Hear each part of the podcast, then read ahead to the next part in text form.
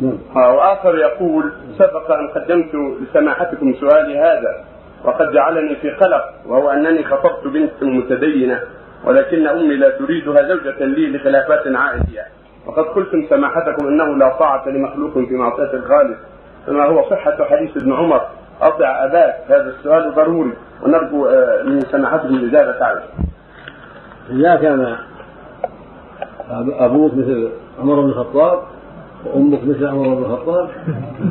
المقصود النبي صلى الله عليه أمر عمر بن عمر يطيع عمر.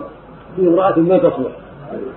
أما إذا كانت المرأة صالحة وجيدة ولكن أمك شيء بينها وبينها لا تريدها فإذا استطعت أن تجد غيرها وتجمع بين المصلحتين بين أمك وبين المرأة فهذا أحسن وأطيب.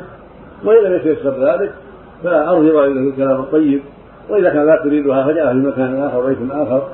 إلى أمك وعف نفسك زوج حتى تعف نفسك وتطيع ربك بالزواج أنت مأمور بالزواج النبي صلى الله عليه وسلم يقول يا معشر الشباب إن استطاع الله فليتزوج فإنه انظر البصر وأحسن الفرج. فانت مامور بطاعة ربك وبطاعه أمك.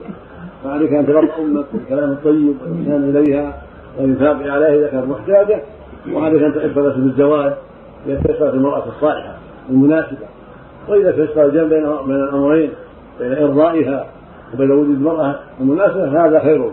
وإذا كان ما تيسر ولم يتيسر لك إلا هذه المرأة التي تكرهها بغير حق تكرهها بغير حق تتزوج وأرجو أمك بالشيء الذي تستطيع من الطرق.